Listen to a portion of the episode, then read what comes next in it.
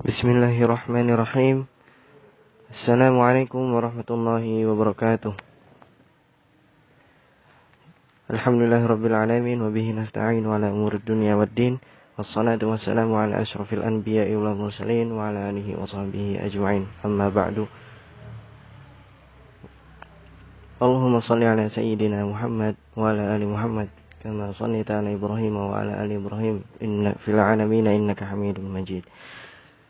Segala puji serta syukur kita panjatkan kehadirat Allah Subhanahu wa taala yang telah memberikan kita nikmat sehat, nikmat iman, nikmat Islam yang sehingga akhirnya kita bisa melaksanakan ibadah puasa di bulan suci Ramadan yang mulia ini.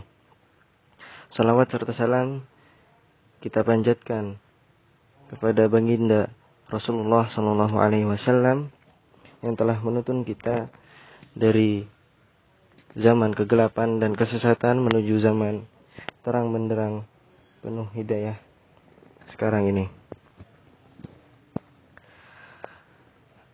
Salah satu kebahagiaan yang dirasakan orang berpuasa adalah saat tiba waktu berbuka. Rasulullah Shallallahu Alaihi Wasallam mengabarkan bahwa umatnya senantiasa dalam kebaikan selama mereka selalu menyegerakan berbuka. Hal-hal yang disunahkan ketika berbuka di antaranya adalah menyegerakan berbuka. Rasulullah Shallallahu Alaihi Wasallam bersabda, senantiasa manusia dalam kebaikan selama mereka menyegerakan berbuka. Muttafaqun alaih. Di antara keutamaan bergegas untuk berbuka yaitu mengikuti sunnah Rasulullah Shallallahu Alaihi Wasallam Selain itu, bersegera untuk berbuka ketika telah tiba waktunya merupakan akhlak para nabi alaihi wassalam. Sebagaimana hadis yang diriwayatkan oleh Abu Darda radhiyallahu anhu, sesungguhnya Nabi Shallallahu alaihi wasallam bersabda, tiga perkara termasuk akhlak kenabian, yaitu menyegerakan berbuka, mengakhirkan sahur, dan meletakkan tangan kanan di atas tangan kiri dalam sholat. Hadis riwayat At-Tabrani dan disahihkan oleh Asy-Syaikh Al-Albani rahimahullah. Selain itu, sunnah dalam berbuka yaitu berbukalah dengan rutop atau kurma basah. Bila tidak dijumpai, maka berbuka dengan tamar atau kurma kering. Bila tidak ada, maka dengan minum air saja.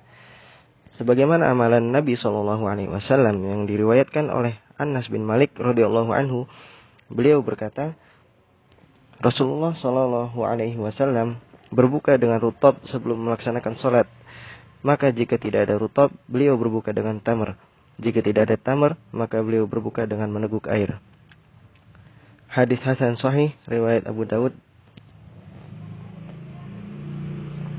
Keutamaan berikutnya, selain keutamaan berbuka adalah memberi makanan berbuka kepada orang lain suatu kenikmatan yang sangat besar apabila dengan rezeki yang telah Allah Subhanahu wa taala karuniakan, kita dapat menyisihkan kesebagiannya untuk memberi makanan berbuka kepada orang-orang yang berpuasa karena pahalanya yang sangat besar.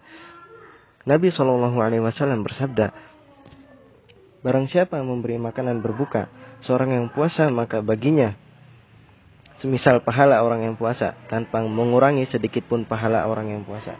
Hadis riwayat At-Tirmizan setelah memandang begitu besarnya pahala yang akan didapatkan oleh orang-orang yang memberikan makanan berbuka bagi orang yang berpuasa, alangkah baiknya bagi kita untuk berlomba-lomba dalam meraih keutamaan yang sangat besar ini dengan menyisikan rezeki yang Allah Subhanahu wa taala karuniakan kepada kita untuk memberi makanan berbuka orang yang berpuasa. Sekalipun kita hanya mampu memberikan kepada satu atau dua orang saja atau mungkin kita hanya mampu memberi satu biji kurma atau sekedar air minum.